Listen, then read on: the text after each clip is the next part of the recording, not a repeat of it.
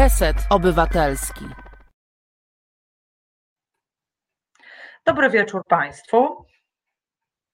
Dobry wieczór, witamy serdecznie. Witamy serdecznie. Ja się zapatrzyłam na komentarz pani Gosi, która napisała: Tu jest zawsze rzeczowo i interesująco. A ja akurat chciałam zacząć bajkowo, a mianowicie złożyć Państwu e, życzenia z okazji Mikołajków. E, no, Teraz mi trochę głupio, ale trudno, może być rzeczowo interesująco. Mikołajki też są ciekawe. Mam nadzieję, że Państwo byliście przez cały rok grzeczni i Mikołaj dzisiaj o Was e, nie zapomniał. My zamierzamy z Państwem poprowadzić audycję i też mamy prezent mikołajkowy. Tymczasem polega on na tym, że nie jesteśmy pewne, o jest nasz gość, bo właśnie z tego powodu ociupinkę żeśmy się spóźniły, bo nasz gość miał jakiś problem chyba techniczny i e, nie mógł do nas dotrzeć. Realizuje nas oczywiście Asiator, jestem ja, jest Marta Korzuchowska-Warywoda. Dobry wieczór, jeszcze raz. Tak jest. I jest nasz gość. Dzień dobry. Dzień dobry, witamy serdecznie. Dzień dobry, dobry wieczór. Dzień dobry. Piotr Kładoczny, o którym chcielibyśmy dzisiaj którym chcielibyśmy dzisiaj, chciałybyśmy dzisiaj porozmawiać o pewnym e, raporcie. Cóż to za raport, panie, panie Piotrze, nasz szanowny gościu? No, proszę Skąd Państwa, no, raport, mhm. Raport jak raport, jest on oczywiście związany z grantem, który, który właściwie w całej Europie jest organizowany przez Fairtrier, e, taki, taką organizację, e, która to bada między innymi, ale właśnie w tym grancie, jak koronawirus, pandemia wpłynęła na wymiar sprawiedliwości w sprawach karnych.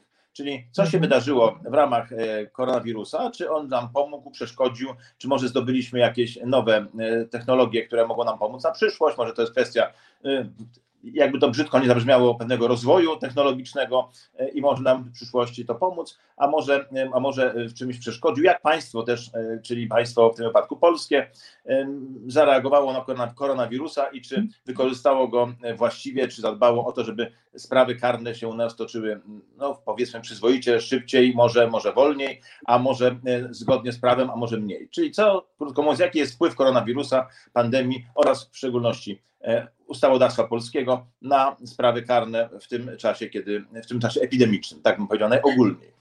Tak, taki, taki pierwszy oczywisty wniosek jest e, taki nasuwający się sam, no, że skoro była pandemia, skoro wszędzie nam włożyła jednak e, kij w szprychy, no to w wymiarze sprawiedliwości nie jest zbyt ryzykowną teza, że też na pewno coś popsuło. No na pewno, na pewno nie sprzyja koronawirus, czy mnie słychać teraz, bo nie wiem, czy to... Tak, słychać, proszę. Tak, słychać, słychać. Że, koronawirus na pewno nie sprzyja prędkości postępowań, tylko my mamy taką specyficzną sytuację w Polsce, tak bym to widział, tę specyfikę, że oprócz występujących już dawno pewnych chorób wymiaru sprawiedliwości, także w sprawach karnych, takich jak przewlekłość, nadużywanie stosowania tymczasowego aresztowania przede wszystkim, kłopoty może z dostępem do adwokata wbrew, wbrew dyrektywom Unii Europejskiej, e, czego, o, o co nie zadbaliśmy wcześniej, e, no doszły nam jeszcze e, od kilku lat, jak wiemy, próby reformy, czy też można powiedzieć deforma wymiaru sprawiedliwości. To jest dodatkowy Też się panu nie podoba? Też się panu nie podoba reforma? Chyba mi się nie podoba, tak, mogę śmiało powiedzieć, że nie podoba mi się to, co... To, co Ale która? Bo, bo jest ich tak wiele, że już powoli można się pogubić. E, to spłaszczenie struktury, czy może sędziowie pokoju? Bo ja powiem szczerze, że e, będąc sędzią i prawnikiem zaczynam się gubić, co i jak ma być zreformowane ostatnio.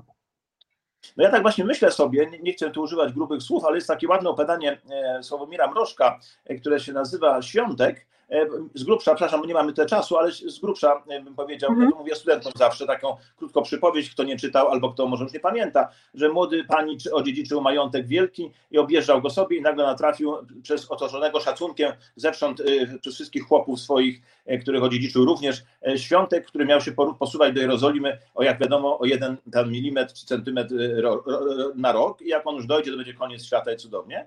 No i on tak się zachwycił, że zaczął go, proszę Państwa, ku zgrozie okolicznych E, Włościan, e, taszczyć a to w prawo, a to w lewo, a to do tyłu. Oni mówili, będzie z tego nieszczęście, straszne nieszczęście będzie jakieś. On się z nich śmiał, prawda, generalnie. I jak mówi Sławomir Morzek, cytuję tutaj, e, bardzo mi przykro, że użyję takiego słowa na prawa cytatu, i stał się cud, jak pisze Sławomir Mrożek.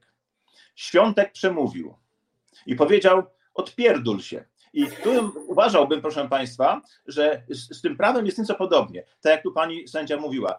Raz w prawo, raz w lewo, może pod górkę, może spłaszczymy, a może przejmiemy Sąd Najwyższy. A, a może Trybunał Konstytucyjny jest najświetniejszy i on nam po, pozwoli wszystko zrobić, włącznie z tym, że powie nam, że to nie jest zgodne z konstytucją, że Lewandowski nie, nie otrzymał złotej piłki. No więc generalnie jest tak targany w różne strony ten, i ta właśnie tak zwana reforma i, czy deforma, czy, czy w ogóle nie wiem, czy jakiś plan jest tego konkretny, że wszyscy się już gubią właściwie, jakie w Polsce jest prawo, co tak. niestety nie sprzyja nie sprzyja e, ani prędkości postępowania, ani rzetelności postępowania, ani oczywiście niezawisłości e, sędziowskiej. E, I w związku z tym mm, mamy coraz gorzej, niestety.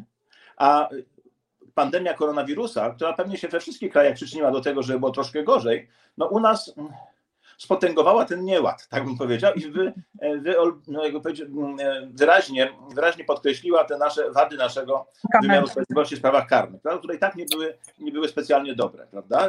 Ten nasz wymiar nie no był właśnie, ale ale, ale gdybyśmy mogły zacząć od początku, bo oczywiście na e, ten czas trwania tymczasowego aresztu nad tym biadolimy, że jednak sędziowie polscy no, mają takie przywiązanie, że oskarżony w areszcie to jest dobry oskarżony. To prawda, ale na to jakby reforma się nie przyda. Na to musielibyśmy e, edukować sędziów i tłumaczyć im i to myślę się dzieje. Ale I społeczeństwo, zanim na to, i społeczeństwo również. I społeczeństwo tak, również. to prawda. E, e, na czym, e, tak, to prawda. Na czym polegał ten problem?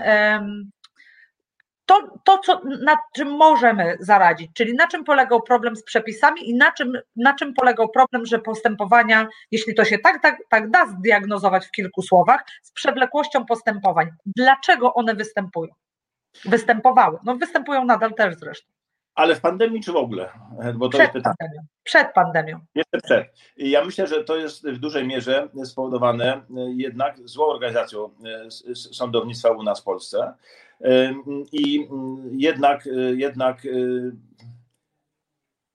no, niestety muszę to powiedzieć z przykrością, niezupełnie, nie może niedoinwestowaniem również, również sądów, dużym, dużo, dużą liczbą spraw, która przypada na, na sędziów. Ostatnimi czasy w szczególności jeszcze to się przyczyniło do tego, że mamy dużo wakatów sędziowskich ze względu na tą reformę, która nie wiadomo jak ma, ma być i ich, ich jest sporo. Mamy również sędziów, którzy, którzy ni stąd, ni zowąd nagle przestają orzekać, bo ktoś zarzucił sobie, żeby zostali zawieszeni. Taką sprawę autentycznie mieliśmy, gdzie sąd pisze, no co prawda już minęło 3 lata tymczasowego aresztowania, no ale sprawa no nie jest, musimy dalej trzymać człowieka e, w areszcie, e, bo sytuacja była taka, że a to COVID, prawda, z jednej strony, a z drugiej strony odwołano nam sędziego Tuleje, prawda, bo orzekali, sprawa, proces musiał pójść, o, czy nie odwołano od orzekania, prawda, i w związku z tym nagle się okazało, że sprawa idzie od nowa. Ja, ja wtrącę, żeby Państwu wyjaśnić, bo w procedurze karnej jest tak, że od samego początku procesu do końca procesu musi uczestniczyć ten sam skład. Więc jeśli sędzia Tuleja został zawieszony, to nie jest właściwe słowo, bo jego nikt legalnie nie zawiesił, no ale. Tak.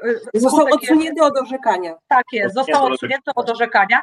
To cały ten proces musi zostać powtórzony, a tak się akurat złożyło, pewnie nie tylko w jednej sprawie, ale akurat w tej, o której e, nasz gość mówi, że jest człowiek aresztowany, więc on będzie aresztowany jeszcze dłużej, bo całe postępowanie musi się powtórzyć aż do momentu, e, no, aż sprawa się zakończy. Tak? No i ta tak, sama sytuacja dotyczy sędziego Piotra Gąciarka, którego sprawy też pierwszoinstancyjne w sądzie okręgowym w związku z jego zawieszeniem muszą zostać poprowadzone od początku.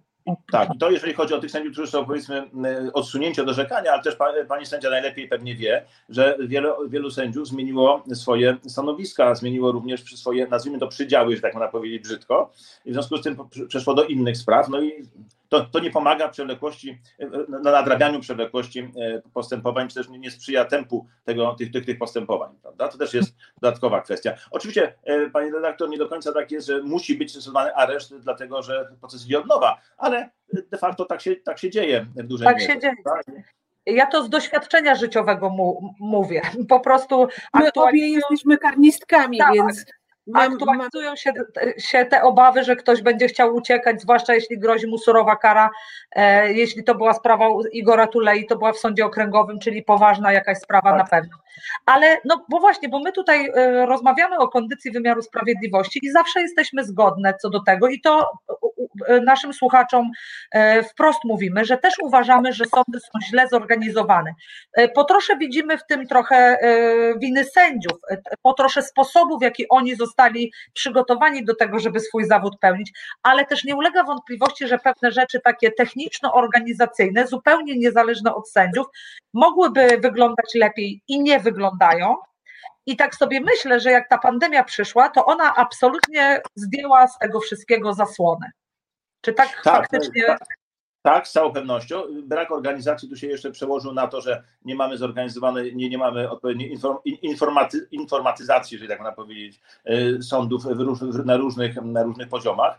E, ja, ja, zwykły konsument, że tak powiem, wymiaru sprawiedliwości e, może stwierdzić, myśmy takie badania robili też wcześniej, że każdy sąd na własną rękę ustalał mniej więcej, jakie zasady składania, składania pism, dostępu do sądu, no, w tym samym gmachu ja akurat miałem takie, takie szczęście, osobiście składałem, bo już nie było wyjścia, chciałem złożyć w Sądzie Najwyższym, poszedłem do sądu, e, do apelacyjnego na biuro podawcze, tam mi przyjęli, pani no, powiedziała, ale przecież to jest, przecież to jest e, do Sądu Najwyższego, no tak, a to nie jest tu, nie, to obok. Okazało się, że w Sądzie Najwyższym nie można złożyć e, osobiście, ponieważ tam biuro podawcze działa tylko online. No, w tym samym gmachu jesteśmy, prawda? Można powiedzieć, i ten koronawirus jakąś drogę by znalazł. To też pokazuje chaos i, i brak pewnego przemyślenia systemowego, usprawnień, które są niezbędne w dobie koronawirusa. Przecież nie mówimy, że wszyscy sędziowie i wszyscy również e, podsądni, nazwijmy to, czy, czy strony postępowania, czy świadkowie, czy biegli, mają narażać swoje życie, żeby przychodzić do sądu, bo to najważniejsze jest wymiar sprawiedliwości. Oczywiście jest bardzo ważny, no ale życie też jest ważne, tylko można by to było lepiej zorganizować, oprzyrządować, już nie mówię o dosypaniu trochę pieniędzy do tego, żeby jednak były możliwości e, przesłuchiwania online żeby były sale do tego przystosowane, bo jak ja pytam sędziów czasami, no to mówią wszystko dobrze, ale my nie mamy tylu sal na przykład, żeby wszystko to robić, mhm. wszystko to robić online. Więc ja myślę, że. Albo nie mamy oprogramowania albo nie ma oprogramowania. Zresztą z tym oprogramowaniem też jest zabawnie, bo właściwie nie ma żadnych jasnych wytycznych, jakie ma być oprogramowanie, nie wiadomo, czy ono jest potem y, przechowywane w sposób właściwy, te, te informacje, które tam są, no bo to też jest kwestia, kwestia mm, y, oprzyrządowania, czyli jest co reformować, że tak powiem, e, pani sędzio. E, tak, nie, nie wątpię. Jest tylko nie, nie w tym kierunku, w którym w którym tutaj, mm, tak jak pani sędzia mnie pytała, czy, czy to jest, czy ja jestem zadowolony z kierunku, nie za bardzo, tak bym powiedział, a nawet całkiem nie, prawda? Bo on... Ale mi się wydaje, że, e, przepraszam, że wchodzę w słowo, tak. że raport obnażył przede wszystkim jeden taki olbrzymi problem, czyli brak informatyzacji sądów, ponieważ tak. E, znaczna część raportu e, dotyczy tego, jakie były problemy z dostępem do akt sprawy, żeby przygotować się do rozprawy. W momencie, kiedy wprowadzono obostrzenia covidowe, nagle okazało się, że czytelnie akt sądowych są niewydolne, nie mieszczą e, się ludzie z dystansem i tak naprawdę e, bardzo często brak dostępu do akt powodował, że sprawa musiała spaść na przykład z wokandy. I, i to przede wszystkim pokazało, że e, sytuacja, gdyby te akta były zdigitalizowane i można było się z nimi zapoznać online, to w ogóle taki problem by się nie pojawił podczas pandemii. Ja Ale no dobrze. ja przepraszam, zanim nasz gość odpowie, tylko chciałam wyjaśnić, bo przecież nie mamy do czynienia tutaj w dużej mierze z profesjonalistami.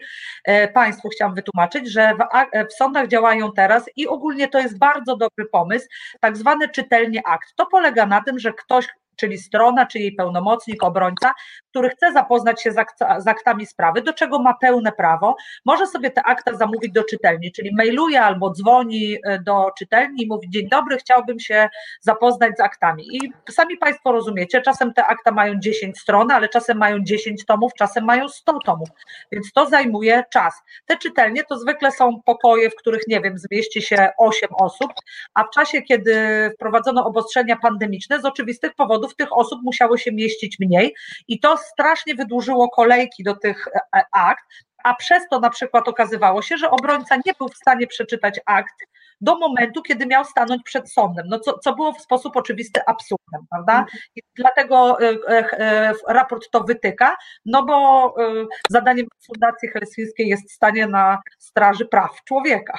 Tak, ale też y, dostrzegamy dobrą wolę i sędziów, i pełnomocników, adwokatów, właśnie to obrońców w tym wypadku, przede wszystkim w sprawach karnych, no, którzy jednak byli w stanie po pierwszym takim szoku, no bo coś trzeba było zrobić, więc jak wiadomo, jak nie wiadomo co, to każdy na razie się wstrzymuje przed, od działania, ale potem chwilę trzeba pomyśleć, no i się dało się porozumieć, dało się może wydłużyć działanie, e, działanie czytelni, no jednak jakiś ten dostęp powoli się pojawił, ale raczej to wynika nie z działań systemowych państwa, tylko z dobrej woli prezesów sądów, czy mhm. prawda, przede wszystkim i porozumienia z, z, z, z, z radami adwokackimi bądź z adwokatami wprost, no, żeby to udrożnić. To, to, to widać, że to jest raczej robione jak zwykle po polsku, czyli nie od góry systemowo, planowo jakoś, y, z jakimś pomysłem, tylko no, działa to ad hoc, jak, jak, się, jak, się porozumieją, jak się porozumieją strony, no i, i jest tu jednak duży ukłon w stronę, w stronę sędziów, no bo oczywiście w ramach e, zwalczania koronawirusa e, najważniejsze i, i powiedzmy stworzenia nowego systemu, czy też dostosowania systemu wymiaru sprawiedliwości, także w sprawach karnych do systemu, do, do, koronawirusa, no to przede wszystkim ma tu rolę swoją ustawodawca, przede wszystkim ustawodawca, no ale jednak można też i odpowiednio w ramach dobrej woli pewne rzeczy usprawnić bez pomocy e, e, ustawodawcy. Ja tylko jeszcze bym chciał zwrócić uwagę na coś, co nie wiąże się bezpośrednio z pandemią, ale na pewno nie ułatwia życia, że nie mamy tej infrastruktury, już nie tylko tej, o której pani sędzia mówiła, dotyczącej informatyzacji, ale na przykład takiego ciała zwykłego jak komisja kodyfikacyjna, do której można byłoby się zwrócić w trybie pilnym, żeby ona to próbowała, mówiąc potocznie, ogarnąć cały ten problem i zastanowić się, co zrobić na poziomie ogólnym. No nie mamy takiej instytucji, w związku z tym, e, bo, bo PiS ją e, e, obecnie... Mieliśmy wcześniej. Tak. Mieliśmy do 2016 tak, roku. Tak, no mieliśmy, mieliśmy, no jakoś to funkcjonowało, przynajmniej system był w miarę, w miarę starał się być spójny, lepszy lub gorszy, ale jednak spójny. Tutaj tego nie mamy. I jeszcze co mnie najbardziej uderzyło w tym wszystkim, jeżeli chodzi o ustawodawstwo karne, to załatwianie spraw niezwiązanych z COVID-em w ogóle, i wrzucanie różnego rodzaju takich, powiedziałbym, rozwiązań, nie mających najmniejszego związku e, z, z pandemią. Ale przepraszam, jeszcze tak. za, za, za, sekundkę do tego dojdziemy, bo ja sobie tak czytając ten raport pomyślałam rzeczywiście, bo Państwo nie czytaliście, ale my możemy umieścić linka, jeśli ktoś z Państwa będzie ciekaw. Tak, on, tak, on nie jest e, bardzo, albo na, na stronie, tak, na pewno można go obejrzeć. To tak sobie myślałam, no bo sytuacja pandemiczna trochę nas zaskoczyła. Trudno, byłoby chyba dość ryzykownie powiedzieć, że my e, mogliśmy się do tego przygotować. No nie mogliśmy, bo Jasne. nie wiedzieliśmy, jak to będzie. Ale pomyślałam sobie, że to, co ostatecznie powstało na tym niższym szczeblu, czyli pomiędzy prezesami sądów a radami okręgowymi radców prawnych czy adwokatów, czyli taka wymiana problemów. Problem jest z tym, może, może to tak załatwimy. Gdyby to powstało na szczeblu e, ministerialnym, czyli nie wiem, powstałoby coś w rodzaju telefonu zaufania, w którym można by zwrócić swoje problemy, to wtedy ta reakcja i taka systemowa reakcja mogłaby być dużo szybsza, po prostu na zasadzie dobrej praktyki, prawda? Jednak zupełnie o tym zapomniano. Tak, no, zapomniano, ale też ja bym powiedział, że nie tyle zapomniano, co ta deforma, o której mówimy cały czas, postępowała, postępowała różne nowe koncepcje i nikt się nie przejmował takimi przyjemnymi sprawami, jak właśnie e, infrastruktura. Ja przepraszam, że tak powiem, ale to nie tylko informatyzacja, to pewien, system reakcji również na, na, na pewne kwestie. Gdybyśmy byli wcześniej nieco lepiej przygotowani infrastrukturalnie, to byśmy może łatwiej poradzili sobie e, z kwestią, kwestią COVID-u. Jak, jeżeli leżymy na, oba, na obie łopatki, albo częściowo przynajmniej, i teraz dochodzi jeszcze na koronawirus, to lepiej od tego nie jest. Zresztą nie dotyczy tylko wymiaru, wymiaru sprawiedliwości, żeby tak Dokładnie powiedzieć. tak. Prawda? No, dru druga rzecz, Druga rzecz, którą ujawniła pandemia, to przede wszystkim ten cały e, problem e, z tradycyjnie doręczaną korespondencją, listem poleconym i podwójne awizo. Przecież ja się wielokrotnie spotykam e, z takimi reakcjami, na przykład na sali czy na posiedzeniach, że strona mi mówi, że ona nie ma czasu odebrać tego awiza, bo kończy pracę po godzinie 20 i, i albo w ogóle wypadło jej to z głowy i tak naprawdę no, biorąc pod uwagę, jak świat poszedł naprzód, to e, ten archaiczny sposób doręczania korespondencji no, implikuje naprawdę wiele problemów na etapie postępowania sądowego. Tak, taką informatyzację czy też digitalizację akt można było przeprowadzić w czasach, kiedy mm, nie było koronawirusa, prawda? A przynajmniej można było ją zacząć robić, można byłoby wtedy może ją dokończyć i łatwiej byłoby te informacje przekazywać. Naprawdę nie musimy się wszystkiego robić w obrocie papierowym. Ja miałam taki pomysł. Dokładnie no, tak. Przez, A- przez, przez, Ale E, może trochę, bo taki, gość będzie z nami tylko do przerwy, Aha, więc wykorzystajmy ten czas, bo e, faktycznie bardzo ciekawą częścią raportu jest właśnie podsumowanie tych wszystkich zmian wprowadzonych przede wszystkim w kodeksie karnym i kodeksie postępowania karnego, wszelkimi ustawami absolutnie niezwiązanymi z prawem karnym.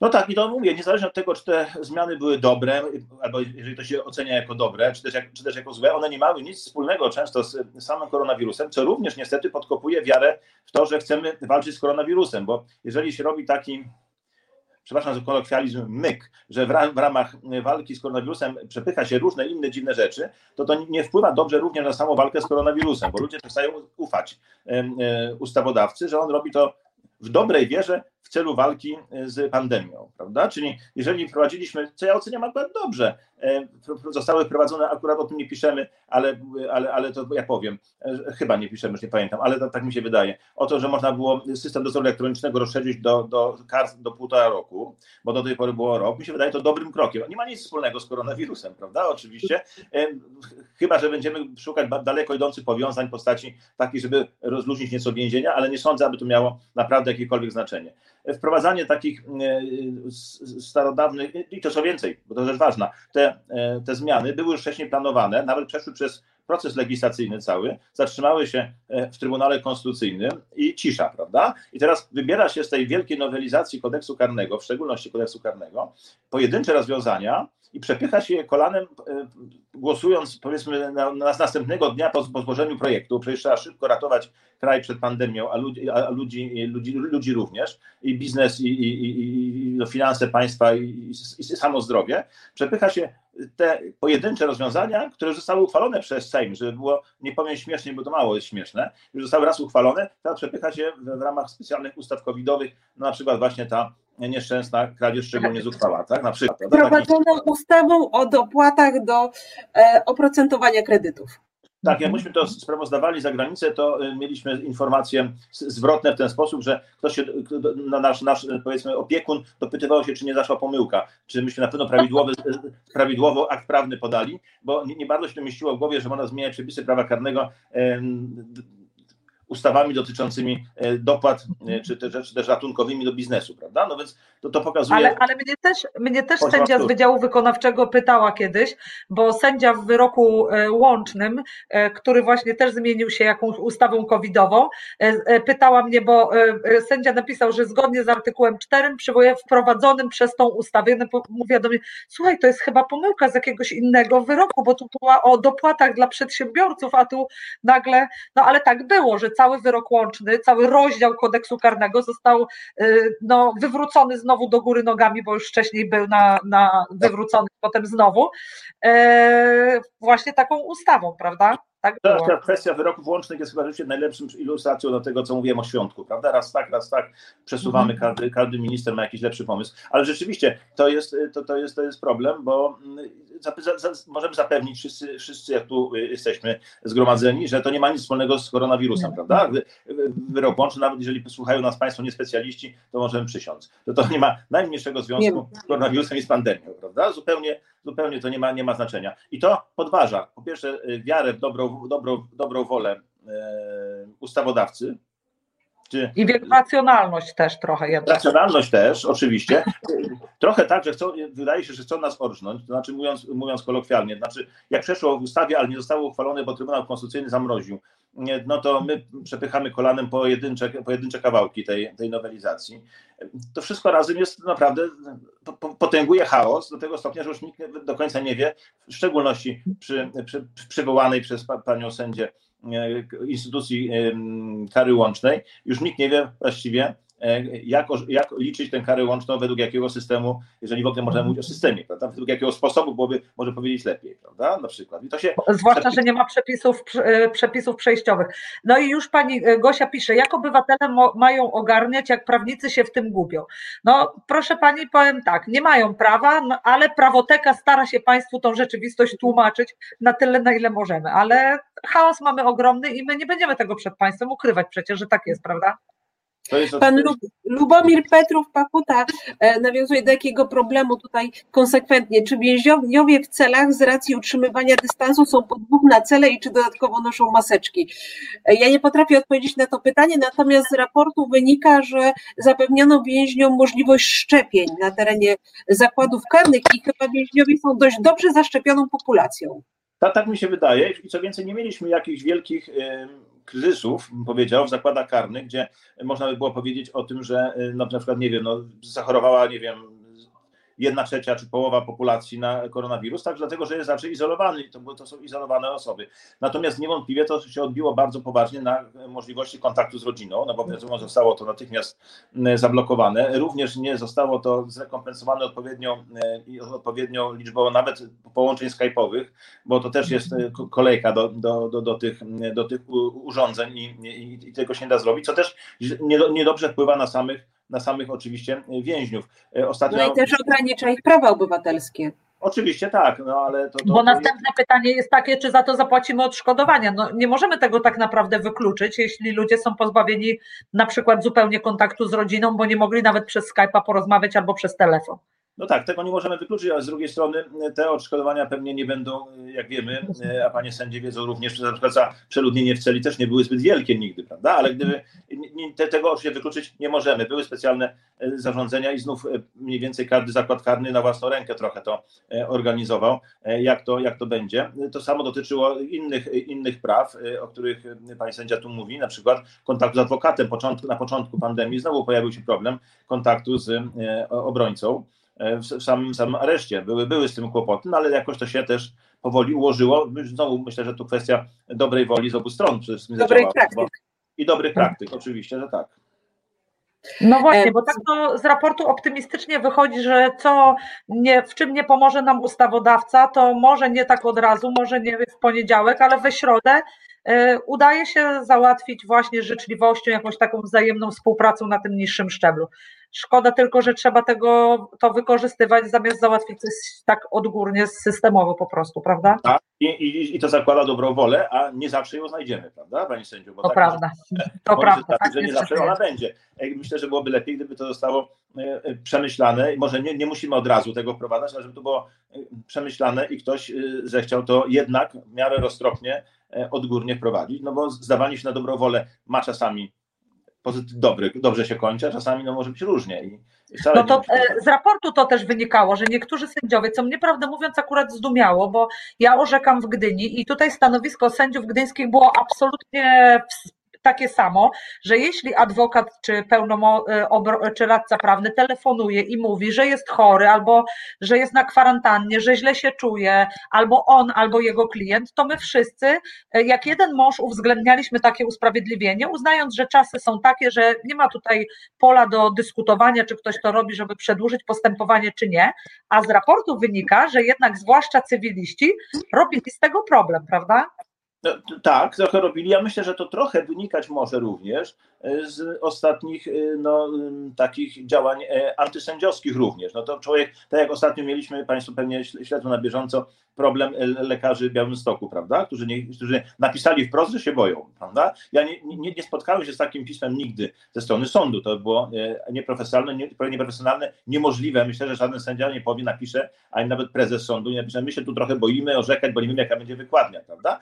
tego nie, nie, sposób napisać, ale myślę sobie, że e, taka niepewność co do e, losów, e, losów sędziów, zresztą mm, jak wiemy, właśnie ściganych przez Izbę Dyscyplinarną, która nie wiadomo, jaką, jaką tu jest, prawda, instancją i, i, i, raczej nie jest sądem, no ale przypadki mieliśmy. Na pewno nie jest sądem na pewno nie jest sądem, ale za to, za, za, to y, jakieś wydaje uchwały, jeżeli tak można powiedzieć, które jednak nie pozwalają czasami sędziom y, orzekać. Y, jeżeli, jeżeli, jeżeli ktoś słucha tych, tych orzeczeń, no to mieliśmy na początku pandemii, mieliśmy przypadek pani sędzi, chyba z Gorzowa Wielkopolskiego, prawda, która uchyliła areszt, oczywiście słusznie i zaraz pojawiło się postępowanie dyscyplinarne w jej przypadku. To, to nie sprzyja na pewno.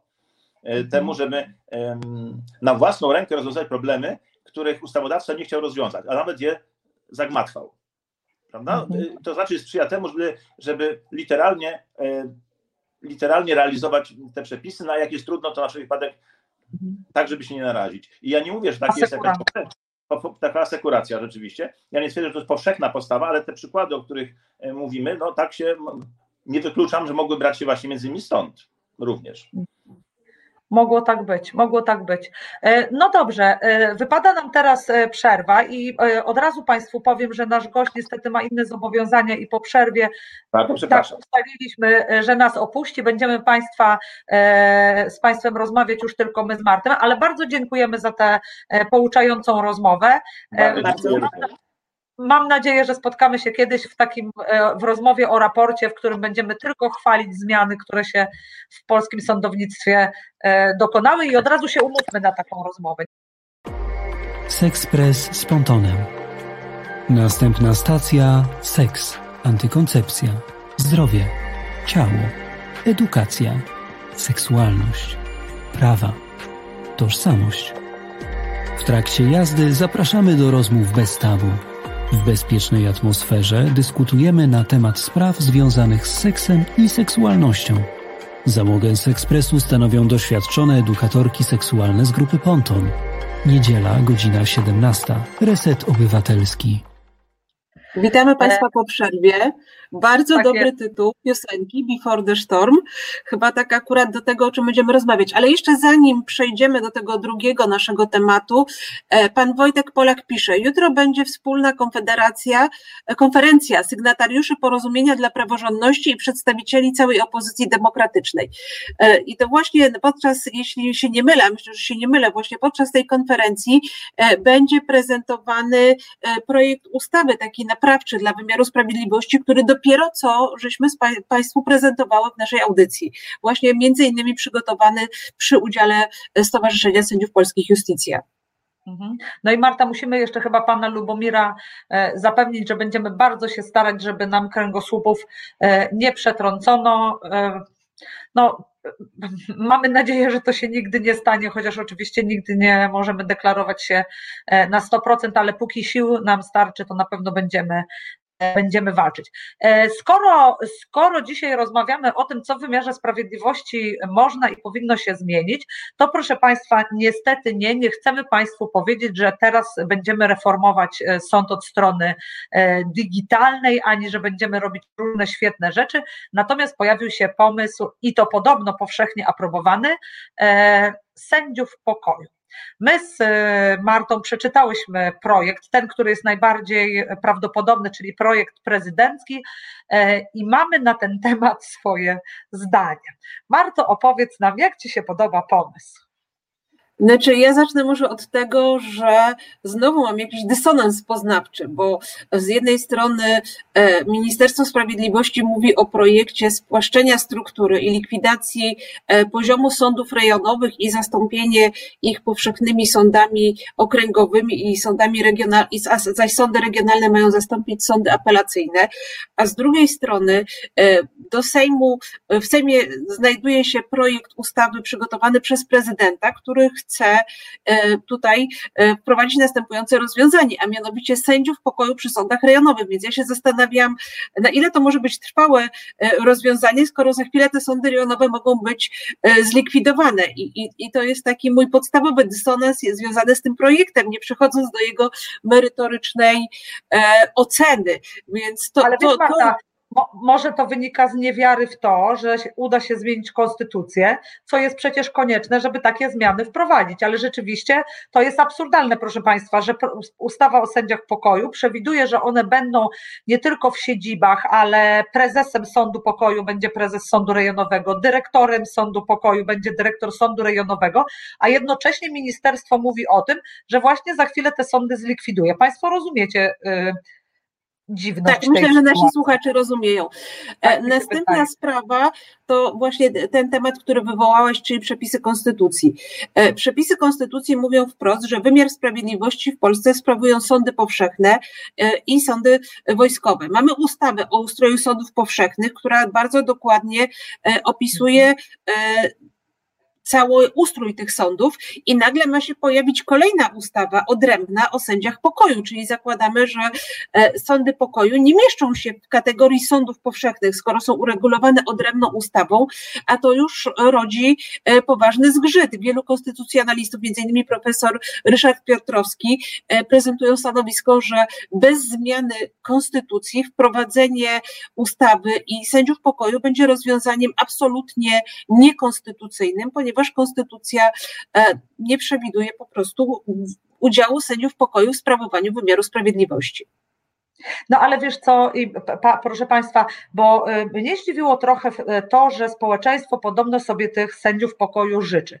I zastanawiałam się, jaki może być powód takiego stanu rzeczy. I ja jestem przekonana, to wynika, że to wynika z tego, że ci ludzie myślą tylko o tym, że to będzie wymiar sprawiedliwości sprawowany przez ludzi wybranych w wyborach bezpośrednich, ale zupełnie nie myślą o tym, czy oni chcieliby, żeby ich sprawę załatwiał ktoś, kto skończył studia studia prawnicze, które ma y, trzy, trzy czy sześcioletnie doświadczenie e, w stosowaniu, tak, w stosowaniu prawa, czyli na przykład pracuje, nie wiem, w urzędzie skarbowym, czy no, no, gdzieś, gdzie się stosuje prawo e, i ten ktoś ma rozstrzygać ich sprawy, Potocznie mówi się też, że to mają być sprawy drobne, ale my z Martą szczegółowo prześledziłyśmy, jakie to sprawy mają być, przynajmniej z zakresu prawa karnego. No i zupełnie się z koncepcją, że to mają być sprawy drobne, nie zgadzamy, prawda, Marto?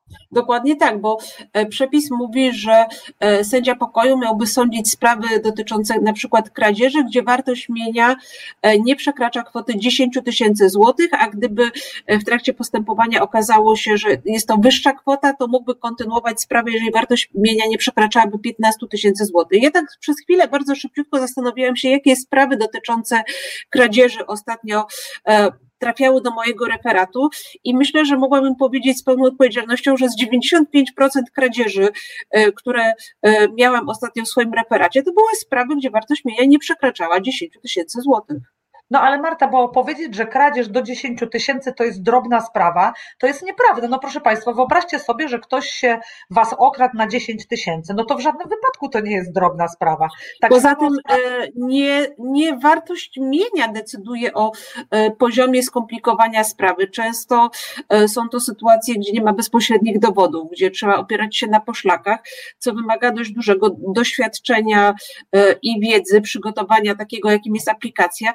I ja myślę, że warto zwrócić uwagę e, na jeszcze jeden aspekt, który e, tak niedawno przykuł moją uwagę, czyli tak naprawdę ten sędzia, który będzie, ten sędzia pokoju, który skończy tylko studia prawnicze i będzie miał trzyletnie doświadczenie e, zawodowe, będzie miał naj, najmniej, będzie najgorzej wykształconą osobą na sali rozpraw w porównaniu z oskarżycielem, który prawdopodobnie nadal będzie prokuratorem i w porównaniu z pełnomocnikami, którzy będą po aplikacji adwokackiej i radcowskiej, e, co w mojej no, ocenie e, stwarza sytuację niekomfortową dla obywatela.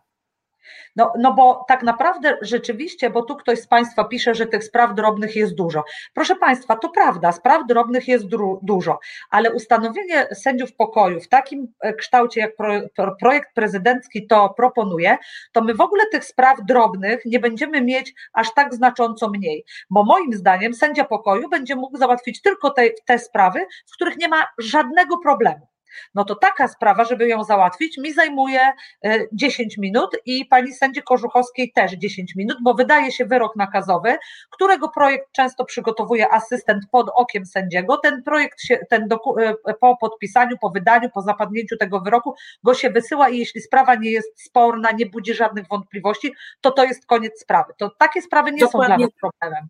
Ale proszę Ale co, nie, nie mówmy tylko o sprawach karnych, bo tutaj właśnie tak, pan Andrzej Mroczkowski przy, przy przypomina, tak, ja wczoraj e, wypowiadałam się dla TOK FM i chyba to pojawiło się też na stronie e, profilu justicji, e, tak, między innymi tutaj też projekt mówi o tym, że sprawy alimenty, które co do zasady, no nie są łatwymi sprawami, często często wiążą się z ustaleniem kontaktów rodzica z dzieckiem, często są elementem sprawy rozwodowej i, i tutaj wyjście z założenia, że każda sprawa alimentacyjna jest sprawą prostą, myślę, że jest absolutnie chybione i, i tutaj na to zwracali też uwagę już sędziowie rodzinni, a jeszcze, żeby było ciekawiej, to na przykład w sprawach cywilnych miały być to sprawy o naruszenie posiadania, które e, są sprawami żmudnymi, e, trudnymi dowodowo e, i też wymagającymi dużego przygotowania, także właściwie każdy aspekt, czy mówimy o sprawach z, z gatunku spraw rodzinnych, cywilnych czy karnych, które miałyby być przekazane właśnie do kompetencji kognicji sędziów pokoju, no nie są z definicji zawsze sprawami łatwymi. Bo, bo mi się wydaje, że tak naprawdę po prostu nie powinno się wybierać spraw przedmiotowo, bo nawet sprawa o małe pieniądze może być sprawą trudną, tak się zdarza, e, a sprawa o e, duże pieniądze może być bardzo prostą sprawą, bo jeśli ktoś wziął kredyt, nie wiem, 2 miliony i podrobił zaświadczenie o zarobkach, to to jest bardzo prosta sprawa, naprawdę tam, nie wiem, dwa posiedzenia wystarczą, żeby ją załatwić. Wydawałoby się, że ten, e, powinny to być sprawy w których nie ma jakichś problemów, czyli mniej sporne, takich, których się ktoś przyznaje, bo tu jeszcze przeczytałam, e, przygotowując się do programu, że to mają być sprawy, w których nie ma biegłego. No to e, z Martą już zaczęłyśmy na, na, na ten temat rozmawiać przed audycją. Proszę Państwa, no przecież nie oszukujmy się, ktoś, kto jest oskarżonym i nie chce być skazany, to on będzie tego sądu unikał. A tam po pierwsze ma być obecność obowiązkowa, czyli musi ten ktoś przyjść. Normalnie jak my procedujemy, to w większości decyzja o tym, czy oskarżony musi przyjść, czy może przyjść, należy do sędziego. On sam na podstawie sprawy stwierdza, czy mu jest oskarżony potrzebny, czy też przerzuca ten ciężar odpowiedzialności za obecność na niego. No a tutaj musi być po pierwsze, jak dwa razy nie przyjdzie, to sprawa trafia już do sądu rejonowego, już się nią sędzia pokoju nie będzie zastanawiał, za, e, załatwiał. A po drugie, gdybym ja była takim oskarżonym, to na, od razu na pierwszej rozprawie bym powiedziała, że się leczyłam psychiatrycznie, na przykład w siódmej klasie byłam w takiej poradni podstawowej szkoły, żebyście Państwo się nie łudzili, i bardzo często to już skutkuje tym, że trzeba dopuścić dowód z opinii biegłych lekarzy psychiatrów i już momentalnie e, ta sprawa też nie będzie rozpoznawana przez sędziego pokoju, czyli ten oskarżony, który popełnił drobny czyn, tak naprawdę będzie miał kolejną prolongatę swojego, e, swojego procesu, no bo ta sprawa będzie musiała być przekazana do rejonu, prawda? Dokładnie tak co mnie jeszcze zdziwiło, nie wiem Marta, bo o tym nie rozmawiałyśmy, że na przykład mają być kradzieże z włamaniem. No i kradzież z włamaniem, taka za 10 tysięcy, no to w ogóle nie jest drobna kradzież, bo tu któryś z panów już napisał na, na, na, na komentarzu, w komentarzach, że przecież może ona dotyczyć niezbyt drogiego samochodu, prawda? No to i teraz tak. Kolejnym problemem jest to, że sędzia pokoju będzie mógł wymierzyć karę albo tak, zapisałam sobie, do 10 tysięcy grzywny, no to to jest w stawkach, ale suma to wychodzi 10 tysięcy, albo trzy miesiące pozbawienia wolności, co w ogóle budzi moje poważne wątpliwości, że ktoś, kto tylko skończył studia prawnicze, będzie mógł ludzi wtrącać do więzienia, albo sześć miesięcy ograniczenia wolności. Ale przecież kradzież z włamaniem jest zagrożona karą pozbawienia wolności do 8 lat, prawda? To, to znaczy, że ten ktoś dostanie maksimum 6 miesięcy ograniczenia wolności, nigdy nie będzie miał recydywy w takiej sytuacji, prawda? Bo żeby miał recydywę, musi 6 miesięcy siedzieć w więzieniu. Co, projekt mówi, że byłyby to e, przypadki kradzieży z łamaniem, ale wypadki mniejszej wagi. Okej. Okay. No tak, ale przypominam ale... Ci, że większość wypadków mniejszej wagi powstaje dopiero w wyniku procesu. Dokładnie, dokładnie Bo tak. Teraz zastanawiam się, kto byłby w stanie a priori zdecydować i, jak to byłoby kwalifikowane, że, że właśnie ta kradzież jest wypadkiem mniejszej wagi, bo powiem szczerze, że e, do zmiany no, naprawdę wyjątkowo zdarza się, e, że tak sprawa jest kwalifikowana przez prokuraturę. Często to sąd na podstawie tak e, osądu wszystkich okoliczności sprawy dochodzi do wniosku, że właśnie ten przypadek kradzieży z łamaniem możemy uznać za wypadek mniejszej wagi. Roześmiałam się, widzisz, co pani Gosia napisała? Powiem porządowemu, kasta broni swoich przywilejów, wsadzania do więzień. Układ nie chce wpuścić nowych, zdolnych prawników. Pani Małgosiu, no bardzo nas pani, znaczy mnie przynajmniej e, rozbawiła, ale ja z wiekiem coraz mniej mam potrzebę ludzi wsadzania do więzienia. Zawsze mi się wydaje, że są jednak inne środki, które pozwalają ludzi e, wychowywać. Ale pan Tomasz... Ale ja jeszcze... Że są inne inne rozwiązania, bo e, my, my tutaj tak, Tak, żeśmy się prawda. skoncentrowały e, na tych sprawach dotyczą, na, na takich sprawach, sprawach stricte karnych czy cywilnych, no ale mamy faktycznie jeszcze te wykroczenia, które e, kiedyś już były były przekazane do kompetencji kolegiów do spraw wykroczeń. E, Jak ja zaczynałam moją pracę, to już wykroczenia były w sądach rejonowych, w sądach grodzkich, tak się wtedy jeszcze e, te sądy nazywały, ale wszyscy wspominali, jakim koszmarem było funkcjonowanie kolegiów do spraw wykroczeń, gdzie właściwie ludzie, którzy nie byli przygotowani merytorycznie, a później e, odwołania od tych spraw trafiały do e, sądów rejonowych i e, też w jakiś sposób obarczały te sądy późniejszym prostowaniem tych spraw, że tak powiem. Ale wiesz, Marta, bo to zawsze e, e, kobiety często tak mówią. Na przykład zrobiłam to sama, bo zrobię to szybciej i lepiej. I to właśnie tak było z tymi, e, z tymi kolegiami, że poprawiać po kimś jest już naprawdę dużo, dużo gorzej. To po Mhm. pierwsze. Po drugie, zaraz nas asiator wy, wywróci z, wyrzuci z audycji, a mnie się wydaje, że takim najważniejszym przekazem, tym, co my byśmy chciały, żebyście Państwo sobie przemyśleli, to jest to, że zobaczcie, powstaną ci sędziowie pokoju mają niby siedzieć w sądzie, w którym my teraz siedzimy. To ja nie wiem, gdzie oni usiądą, chyba na holu, bo w moim sądzie nie ma żadnego miejsca, gdyby oni mieli e, ten. Musi powstać jakaś struktura. Oni muszą zostać powołani, mają zostać wybrani. Na to wszystko pójdą pieniądze. Gdyby mi za to. czas i pieniądze. Tak. e, Poza tym ci ludzie będą dostawać e, wyposażenie, e, uposażenie 80% wynagrodzenia sędziego sądu rejonowego. Gdyby zamiast tych, te pieniądze wydać w ten sposób do sądów rejonowych, dodać, no Marta, ilu byś chciała w swoim sądzie? 20 asystentów?